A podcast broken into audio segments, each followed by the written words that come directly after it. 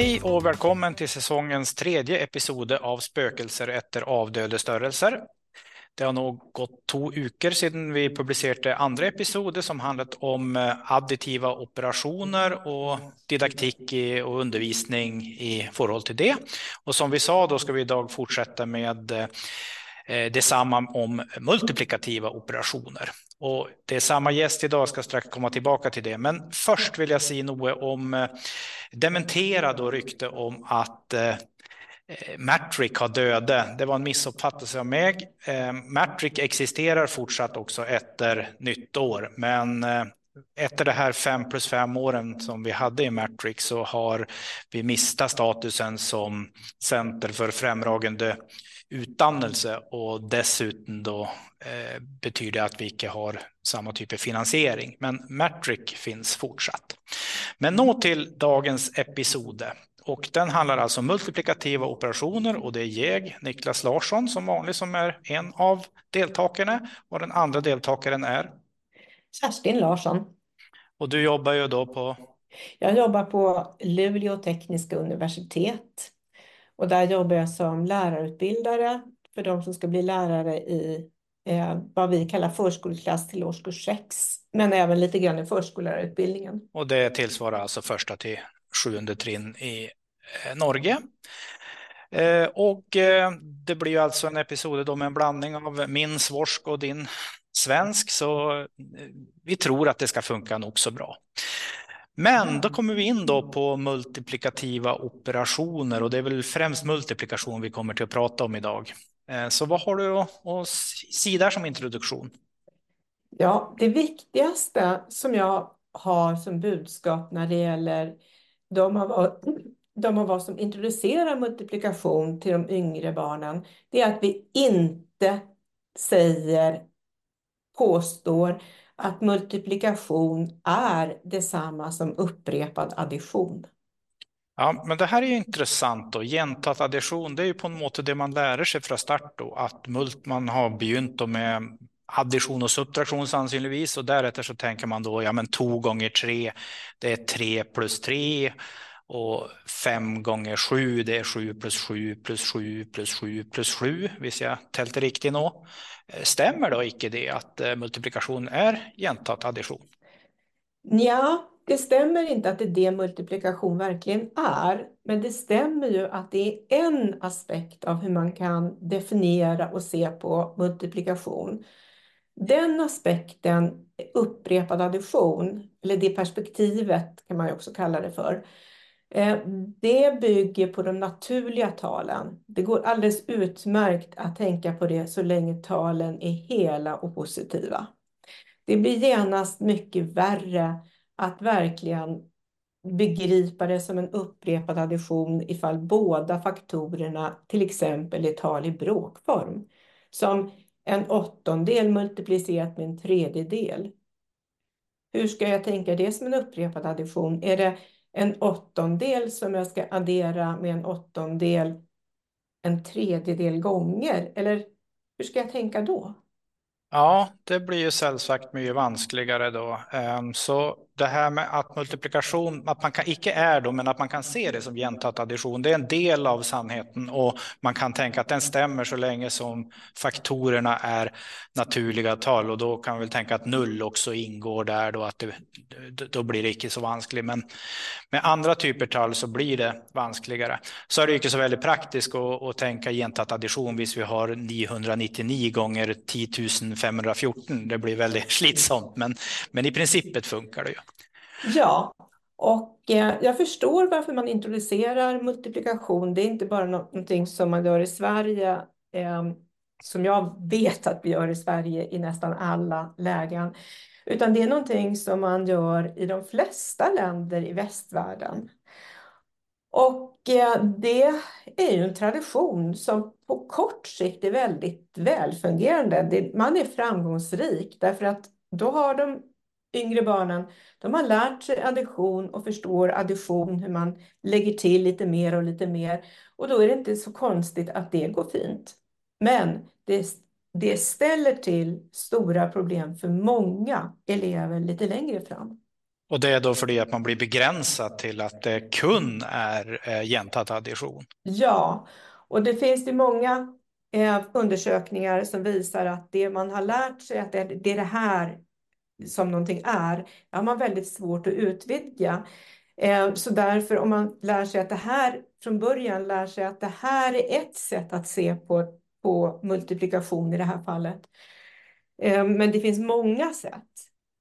Då blir barnen ofta nyfikna och vill veta från början, vilka då många sätt?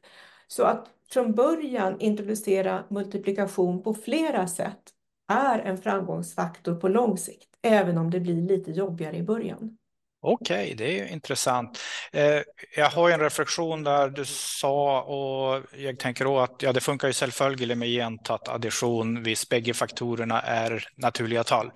Men det bör ju också funka med gentat addition visst den ena faktorn är eh, naturligt tal och den andra då är i princip ett villkorligt tal. Då kan man ju tänka att det är någon typ, eh, visst vi har eh, åtta gånger eh, en fjärdedel, då kan vi ta en fjärdedel plus en fjärdedel åtta gånger så får vi gentat addition. Ja, det är alldeles riktigt. Det och, håller jag helt och hållet med om. och, men också visst man då tänker, eh, vi ska väl inte se på det här som multiplikator och multiplikant så mycket, men eh, visst man tänker då en fjärdedel gånger åtta, ja men ska man då ta åtta åtta gentat addition en fjärdedel gånger så blir det väldigt vanskligt. Eh, men man kan ju möjligen tänka att det är en fjärdedel av åtta. Ja, men om du tänker att det är en fjärdedel av åtta, då har du redan en annan aspekt av multiplikation som på sätt och vis hänger väldigt intimt samman med hur man ser på procent, att det är någonting av någonting. Ja, det stämmer ju faktiskt att en fjärdedel av åtta, det är ett annat perspektiv än att tänka eh, en fjärdedel plus en fjärdedel åtta gånger. Eh, men det, det understreker också, eller visar på den kommutativa lov som du kommer komma tillbaka till senare. Visst, man kan bruka bägge de aspekterna.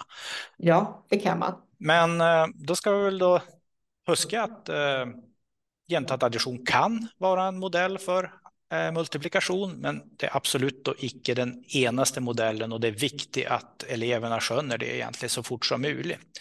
Så mm. hur går det vidare här tänker du? Ja, jag tänkte att eh, för de som fortfarande är skeptiska eh, så vill jag faktiskt fördjupa lite grann varför jag säger att multiplikation skiljer sig från addition genom att fundera lite grann på när vi använder det i vår vardag. Vad är det vi kan addera och subtrahera? Jo, det är tal beskrivna med samma sorts enhet. Vi kan addera eh, centimeter med centimeter, kronor med kronor och vi kan subtrahera centimeter från centimeter. Vi kan subtrahera eh, antal från antal. Och svaret, alltså summan för en addition eller differensen då för en subtraktion, den är också i samma enhet. Mm. Så vi rör oss inom en och samma enhet.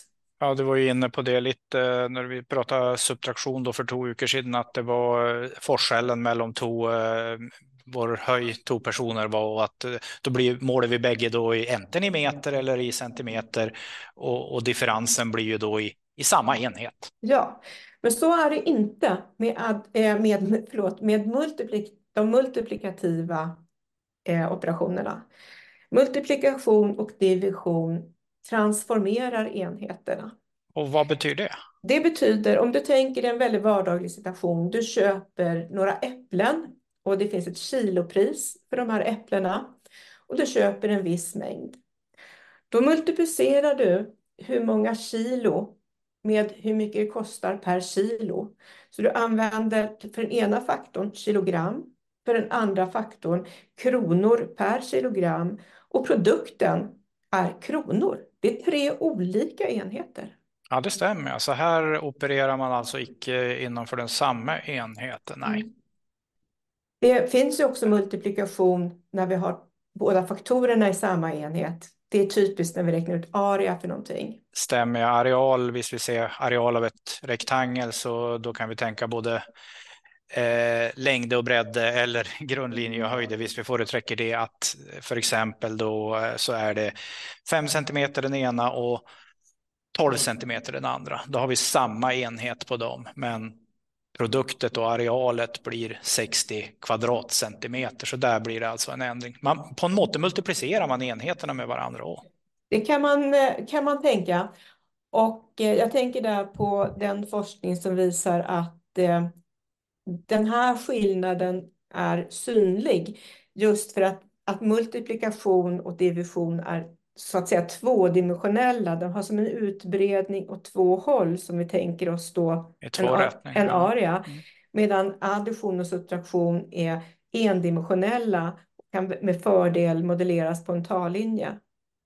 Ja, det kan stämma att multiplikation och nej, addition och subtraktion, där kan vi modellera det på tallinjen. Ja, men ska vi modellera multiplikation, då tränger vi för exempel någon typ av koordinatsystem eller i vart fall då en, en flate så att vi kan få ett areal eller något liknande. Ja, eh, och då kan, vi, kan jag bara flika in att många läromedel i Sverige i alla fall introducerade som multiplikation som hopp på tallinjen och då går man ju rakt in i fällan att man tänker att det är samma sak som addition. Man hoppar fram eh, flera hopp av samma längd Mm, eh, och det är ju då inte att rekommendera helt enkelt. Fyra gånger tre för exempel, det betyder att man tar hopp som är tre skritt eh, och, och, och, gör det fyra gånger och då kommer man tolv skritt. Ja. ja. Och då är det ju typisk jämtat addition. Ja, och den, den upprepade additionen, den har också en förmåga att för väldigt många barn dölja att kommutativa lagen gäller.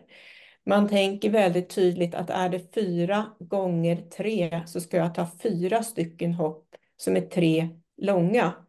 Alternativt att man tänker väldigt lika bestämt att det är fyra längden av hoppen är fyra och jag ska ta tre hopp. Man kan tänka på det på vilket sätt som helst, men man blir väldigt inkörd med att den ena faktorn är en multiplikator, det vill säga talar om hur, hur många gånger jag ska mångfaldiga och den andra faktorn är en multiplikand, det vill säga det är det som jag ska mångfaldiga. Mm.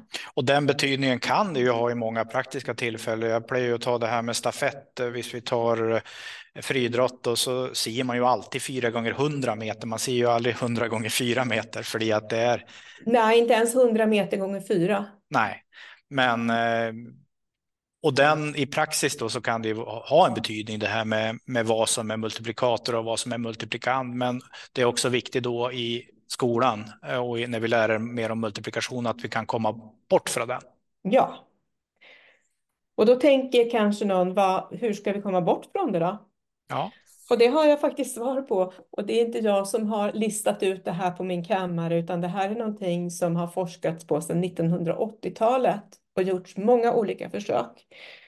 Och eh, en tidig upptäckt var att barn förstår multiplikation på ett djupare plan om man istället för att presentera det som att det är som addition fast du ska göra flera additioner av samma tal eh, på en gång. Istället pratar om det som att det är fler i en. Att samtidigt som du kan se att du till exempel har en apelsin i handen så precis samtidigt, simultant, kan du tänka att den här apelsinen innehåller, låt mig gissa, 12 klyftor. Nu mm. kanske det inte heter klyftor på ja, Båtar tror jag man säger på norsk då, men det, och då skönjer det säkert vad jag menar själv om man brukar något annat ord. Ja, och då att se det, då, då, om du har den här apelsinen oskalad, då ser du ju bara en apelsin, men du får hålla i minnet att den också betyder eller motsvarar 12 stycken klyftor. Och har du då tre apelsiner så ser du tre som är tre apelsiner, men du ser inte tolvorna som är de här tolv dolda klyftorna. Men du kan tänka dig det så att du samtidigt kan uppleva att de här tre apelsinerna symboliserar tre, 12 per apelsin och sammanlagt 36 klyftor. Mm. Och att, att göra den presentationen jag brukar göra det här med mina lärarstudenter. De säger, men det är ju samma sak. Det är ju som 12 plus 12 plus 12. Ja, ja det tänker jag också, som väl kanske kan se att jag är ganska god på multiplikation. Att jag ser rätt och slett icke problemet då med, med fors, eller jag ser icke forskellen på detta. Nej, och det brukar inte mina, de flesta av mina studenter heller göra.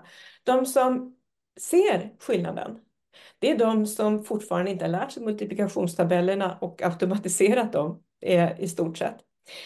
Eh, och då tänker jag, det här är ingenting som jag har, har några empiriska bevis på, men jag tänker att ju mer flink man är i att multiplicera, har känsla för multiplikation, desto mindre spelar det roll hur jag presenterar det.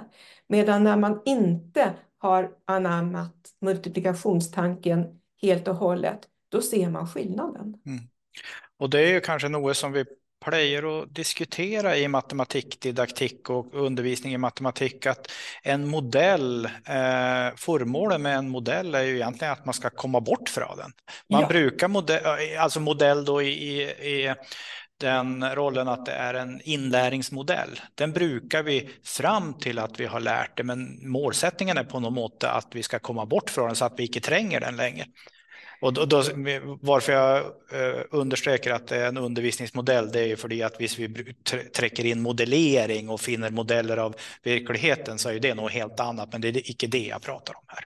Nej, utan det är någon sorts, sorts modell. Man kan tänka sig, om vi ska ta en liten avstickare här med det här med modeller och representationer, så brukar man inom den holländska traditionen från Freudenthal-institutet vara noggrann och påpeka att elever eller barn när de lär sig någonting, de skapar en modell av den verkliga situationen. Men sen överför man och använder den här modellen för att förstå det matematiska innehållet. Så de skiljer på modell av verkligheten och modell för att förstå ett matematiskt begrepp. Och då när vi inför modeller vilket vi kan göra både med bilder, praktiskt material och med verbalt som vi gör nu när vi talar med varandra. Då skapar man någon sorts idé vad det här egentligen är för någonting. Och då som jag nämnde lite tidigare så är det en väldig fördel om man ger fler modeller väldigt tätt in på varandra i undervisningen när man börjar med någonting nytt. Och förutom den här mycket väl undersökta fler i en-tanken vilket de flesta, även de som är väldigt har, har för länge sedan förstått vad multiplikation handlar om och har automatiserat sina tankar kring det, kan tycka det är större skillnad. Det är om vi tänker ARIA-modellen. Och då tänker jag för de yngre barnen så är ARIA väldigt svårt. Längd är också svårt för det är en kontinuerlig eh, storhet. Det liksom fortsätter utan gränser. Eh, så där kan det vara fördel att gå via en rektangelformation. Ungefär så som ägg ligger i äggkartonger. Ja, där blir det ju på något mått en tydlig multiplikation, tänker jag. Mm. Eh, I Sverige har vi äggkartonger som är två gånger tre eller tre gånger två, beroende på hur jag vill vrida och vända på det. Ja. Vi har de som är två rader med fem ägg, två rader med sex ägg, tre rader med fem ägg och så vidare. Ja. Så det finns ganska mycket att välja på. Eh, och tanken är inte att vi ska fastna i äggkartongerna utan det är en bild av att vi kan räkna det totala antalet föremål med hjälp av multiplikation. Vi kan uttrycka det med att vi talar om hur många rader det är och hur många kolumner det är och eh, som faktorerna.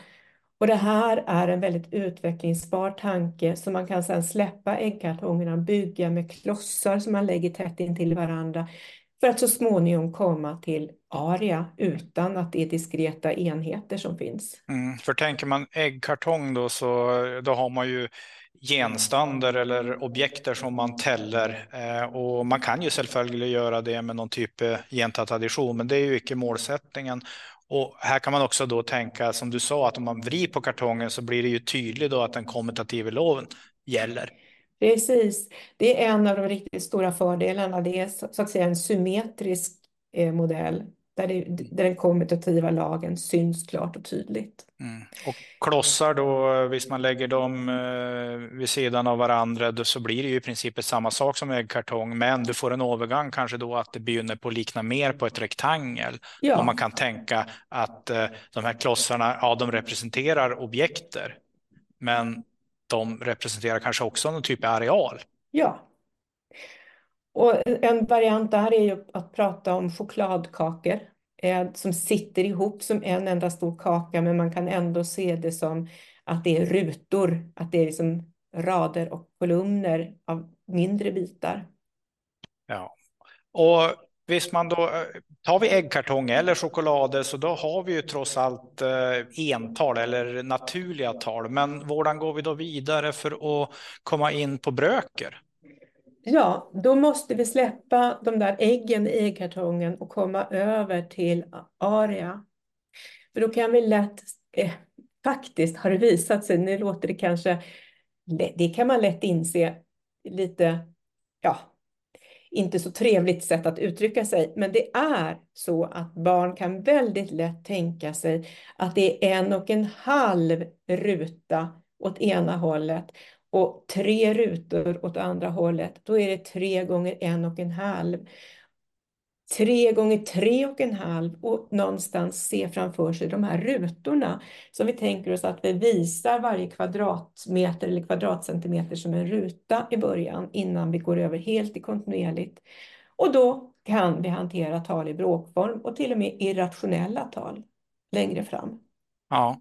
En längd kan ju vara roten ur två lång. Ja, det kan det ju vara. Och, och eh, då blir det ju eh, kanske lite vanskligare att tänka i, i praxis eh, hur man ska ta in och för, där tränger man nog först att ha insett saker med eh, bröker för man kan gå vidare och se modellen i vart fall. Ja, det håller jag helt och hållet med om. Ehm, men det är att presentera både den här fler i en-idén och eh, rektangelformation som äggnäckartången från början.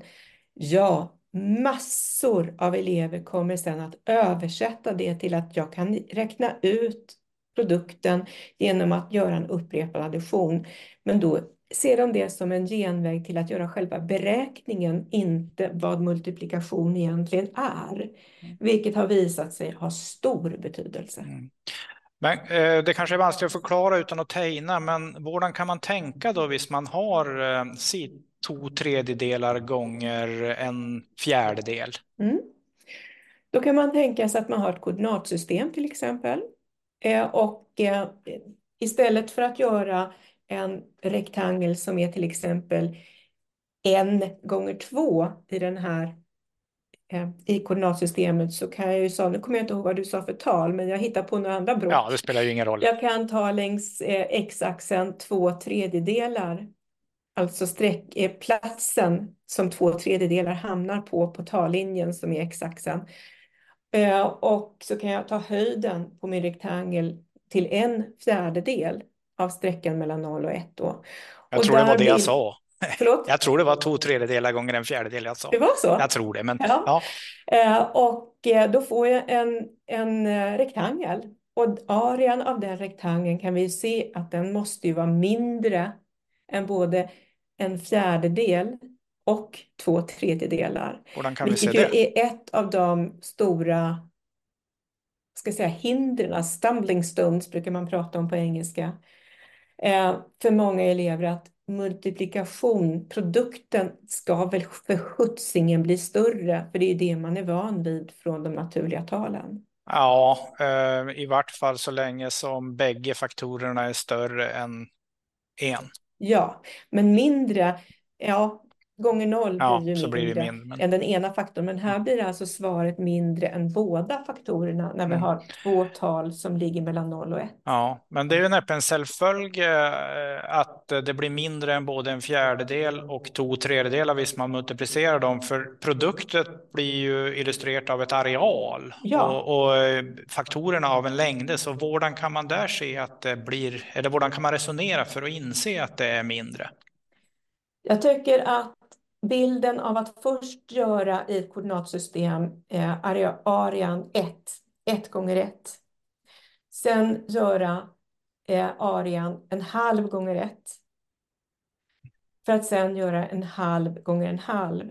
Det ger en väldigt tydlig bild, struktur i ordning, hur den blir mindre när jag tar den ena faktorn som är ett bråktal, men att den blir ännu mindre när jag tar båda faktorerna som ja. bråktal. Och en halv gånger en halv, det kan man ju lätt att se om man har en ruta som är en, ja, så blir det en fjärdedel. Ja, det syns. Ja, och på den måten kan man då resonera sig fram till det.